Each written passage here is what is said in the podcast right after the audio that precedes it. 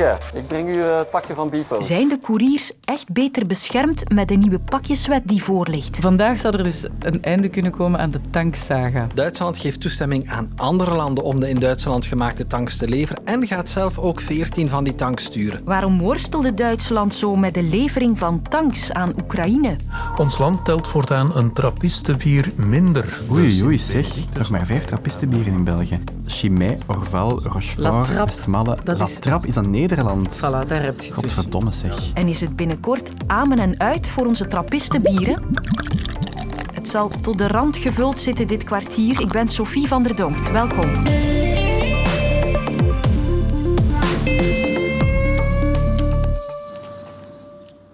Als je een pakje laat leveren op de VRT, dan komt dat hier aan, bij onze pakjesmuur. Ik ben Gwenny de Smet, medewerker hier van ons centraal magazijn. Dat is zo, heeft zo zijn periodes. Bijvoorbeeld eind de maand december is altijd heel druk. Dan is Black Friday en de eindejaarsgeschenken en dan wordt er heel veel. Nu begint dat zo weer een beetje op zijn effen te komen. Ik denk dat het dagelijks schommelt rond de 200, 300 pakjes. Nu is de VRT best wel een groot bedrijf, maar toch 300 pakjes, dat is toch wel veel elke dag. Maar ja, veel mensen bestellen intussen wel eens iets online. Ook al weten we allemaal dat de omstandigheden waarin de bezorgers soms moeten werken niet goed zijn.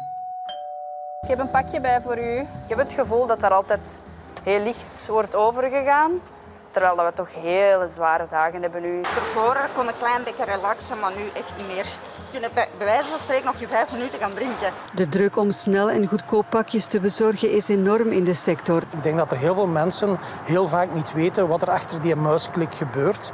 Wij dragen allemaal die verantwoordelijkheid. De consument bestelt bij de e-commerce, die schakelen een courierbedrijf in, die gaan naar een onderaannemer, nog een andere aannemer, tot je uiteindelijk iemand vindt die het aan je deur komt brengen. Dat zijn heel veel stappen en dus ook heel veel stappen waar iets mis kan gaan. Dat gaat over het loon niet betaald zijn, overuren die niet correct eh, vergoed worden, mensen die veel te lange dagen moeten doen, niet correct ingeschreven zijn. Die mensen zijn op eh, verschillende vlakken niet sociaal verzekerd. En om de werkomstandigheden te verbeteren, heeft federaal minister van Post Petra de Sutter nu een wetsontwerp klaar. Dat ze maximaal 9 uur per dag pakjes mogen bezorgen. Ze kunnen wel eens over de 9 uur gaan, maar toch eh, maximaal maar twee keer per week 10 uur om hen te beschermen tegen oververmoeidheid. Het tweede aspect heeft te maken met eh, de vergoeding. We gaan een, een wettelijke minimumvergoeding vastleggen. Maar de werkgevers en de vakbonden die geloven niet in dat plan van de minister. Ze vragen zich af hoe de minister dat wil handhaven. Is dat wel mogelijk? Ik leg de vraag voor aan een advocaat sociaal recht. Steven Renet, goedemiddag. Als het gaat over de controle op de rij- en de rusttijden, vanaf 2026 is er al de wettelijke verplichting om in bestelwagens van het type dat de meeste pakjesbedrijven gebruiken, om daar een tachograafschijf in, in te voorzien. Dus ik begrijp niet zo goed waarom men dat dan nu opnieuw in deze nieuwe wet zou uh, gaan invoeren. Dat is een verplichting die, er al, die al bestaat en die zal volgen. Hetzelfde voor wat betreft de arbeids- en, en loonvoorwaarden. Specifiek wat de transportsector betreft, bestaat daar al een uh, uitgebreid regelgevend kader om uh, de zogenaamde schijnzelfstandigheid tegen te gaan. Goedemorgen, een pakket en een handtekeningetje. Hartelijk dank. Fijne dag. Hè. Ik denk dat het eerder een kwestie is van de bestaande regelgeving om die toe te passen, om ervoor te zorgen dat de inspectiediensten ja, voldoende bemand en bevrouwd zijn en dat die over de nodige capaciteit beschikken om uh, inbreuken vast te stellen onderaannemers van onderaannemers van onderaannemers ja. enzovoort. We zien dat dat in, uh, in vele sectoren tot wantoestanden kan leiden. Het is uh, geen toeval dat de meeste wantoestanden gebeuren op het einde van de keten. Hè, wanneer dat de meeste marges zijn uh, opgedroogd en dan gaat men de grenzen van de wet natuurlijk opzoeken.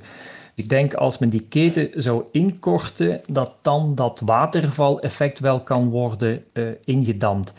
En als je dan zegt, ja, hoe, hoe, gaan we dat dan concreet kunnen doen? Misschien dat er daar dan toch inspiratie kan gezocht worden in de regelgeving op het vlak van de overheidsopdrachten. Als je dus meedingt als bedrijf naar een overheidsopdracht, dan zijn er bepaalde spelregels. En een van die spelregels bestaat erin, of een van die voorwaarden liever, bestaat erin, dat je niet de totaliteit van een aangenomen opdracht mag uitbesteden. Je kan niet zeggen, ik uh, doe mee, ik verwerf de opdracht en ik geef ze meteen door aan uh, iemand verderop in de keten zonder dat ik daar zelf nog bepaalde prestaties in verricht enerzijds.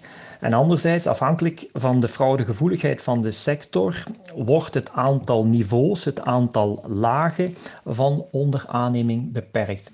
Ik denk als we hier al mee zouden starten met de bestaande wetgeving toe te passen en daarnaast eens gaan kijken ja, hoe we die lengte van die keten kunnen aanpassen, dat we dan eigenlijk al wat stappen vooruit hebben gezet.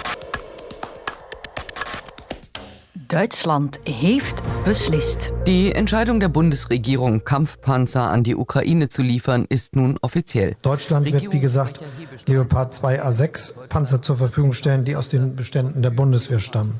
Ja, die beslissing is formeel genomen. Duitsland geeft toestemming aan andere landen om de in Duitsland gemaakte tanks te leveren en gaat zelf ook 14 van die tanks sturen.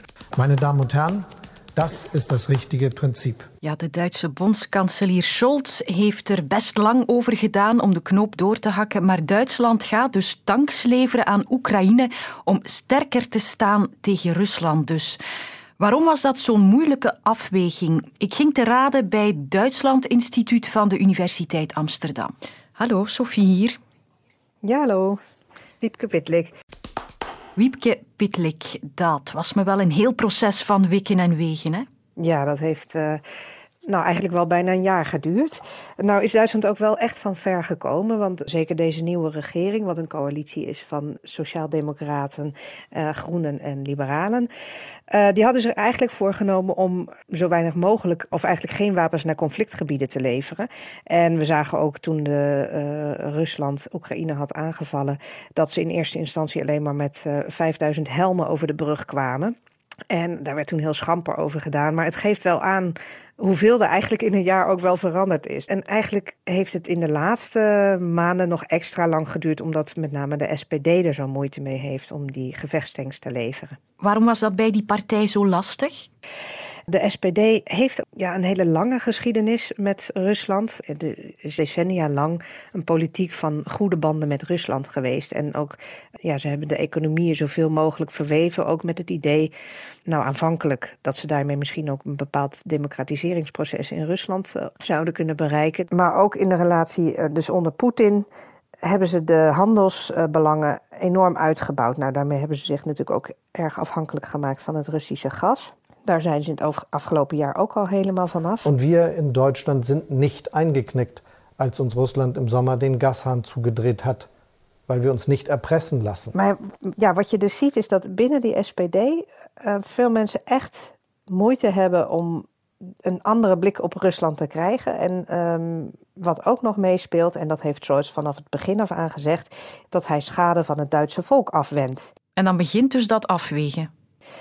Ja, Scholz, en dat zit ook wel heel erg in de Duitse aard, denk ik, om uh, vooraf alle risico's af te dekken. En Scholz heeft heel goed uh, in kaart willen brengen wat de gevolgen kunnen zijn van niet leveren, maar ook wat de gevolgen van wel leveren kunnen zijn. En daar heeft hij ook een aantal keer over gesproken, dat, dat het een schrikbeeld voor hem is als dan Duitse tanks straks uh, over Russische grond rollen. En dat heeft natuurlijk ook met de Tweede Wereldoorlog te maken. Uh, Duitsland wil nooit meer de agressor zijn, wil ook nooit meer het land zijn dat uh, een oorlog begint. Dat is dan wel begrijpelijk. Ik moet zeggen, ik zag gisteren nog een fragmentje van de Russische propagandatelevisie. Waarin ook werd uh, gesproken over, nou, dan bombarderen we toch weer Dresden. En dan raak je wel aan Duitse trauma's. RAF heavy bombers assist Marshal Konyev's drive into the Reich. The target is Dresden. Uh, je ziet ook wel dat in, uh, uit de opiniepeilingen in Duitsland komt ook wel naar voren dat ook onder de Duitse bevolking uh, niet een eensgezind beeld is dat iedereen nou voorleveren van meer zware wapens is. Ze zijn daar eigenlijk ook verdeeld over. Scholz heeft zijn tijd genomen, maar heeft dat nu gevolgen voor de internationale rol van Duitsland? Ja, Duitsland staat daar eigenlijk weer te kijken als een land dat um, te veel twijfelt en toch niet die leiderschapsrol op zich neemt, waar ze eigenlijk al jaren over spreken dat ze dat wel willen. Maar even niet in deze kwestie, heb ik wel eens het gevoel. Ja. Omdat, ze, omdat ze dan ook de kop van Jut kunnen zijn. Ja, er staat heel veel toch... op het spel natuurlijk. Hè. We weten ook niet hoe die oorlog ja. in Oekraïne gaat aflopen. Dat zal misschien bepalen hoe we hier ooit op gaan terugkijken over zoveel jaren. Ja, ik ben heel benieuwd. Het wordt aan de ene kant uitgelegd als uh, dat Soorts dat toch eigenlijk meesterlijk uh, heeft gespeeld. Want wat er nu uiteindelijk gebeurt is dat er en Amerikaanse en ook nog van allerlei andere landen uh, tanks richting Oekraïne gaan. Dus win-win voor, ook voor Oekraïne. Maar uh, ja, aan de andere kant kun je natuurlijk zeggen, nou, het is dramatisch voor uh, de rol van Duitsland uh, in de internationale politiek. Want eh, er zijn heel veel mensenlevens weer verloren gegaan natuurlijk in al die tijd dat het geduurd heeft tot zij tot deze beslissing kwamen. ik ben heel benieuwd hoe we hier op terugkijken.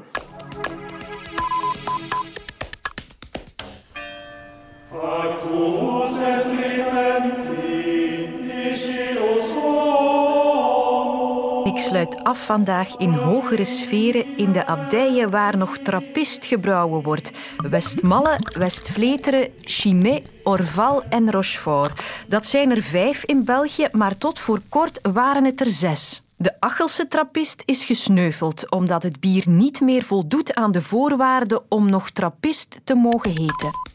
Ik kwam terecht bij biersommelier Sophie van Rafelgem.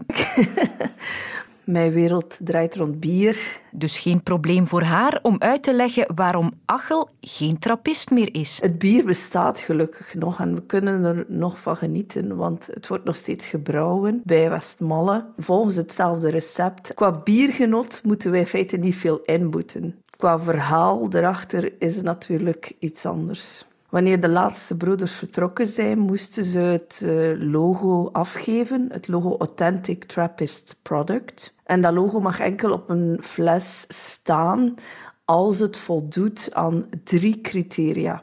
Eerste criterium is dat het moet gebrouwen worden binnen de muren van een abdij. Het tweede criterium is dat het gebrouwen moet worden door monniken of onder supervisie van monniken. Dus je ziet dat dit de reden is dat Achol zijn logo kwijtgeraakt is. Het derde criterium is dat alle opbrengsten moeten geïnvesteerd worden in de abdij of in de gemeenschap van de monniken. Als er opbrengst of winst over is, dan moet het gedoneerd worden aan liefdadigheid. Het wijst erop dat winst nooit het doel is van de trappisten.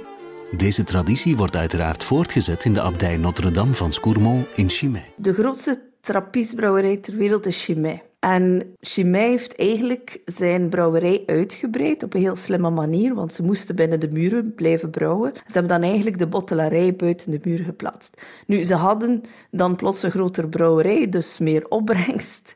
En uh, zij zijn gaan denken van hoe kunnen we daar iets goed mee doen. Nu, Chimay ligt in een regio met veel armoede en veel werkloosheid. En zij zijn eigenlijk zich bewust daarvoor gaan inzetten.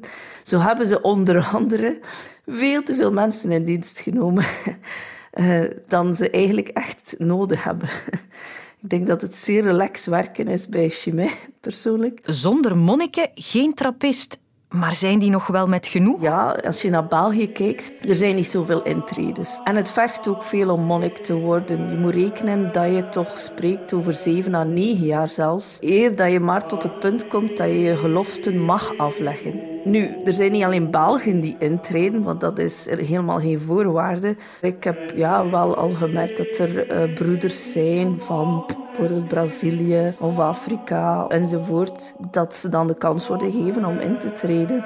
Je ziet, ja, je ziet wel wat diversiteit nu meer in de trappistabdijen. Vind dat op zich wel positief. Dus we hebben wel nog altijd intredens. Dus ik denk niet dat onze vijf trappistbrouwerijen vrij snel gaan verdwijnen. De Achelse trappist moet ik dus schrappen.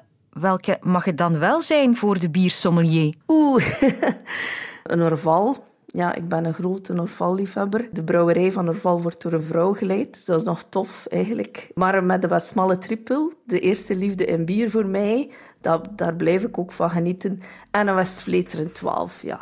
Voor mij blijft het wel ook een topper.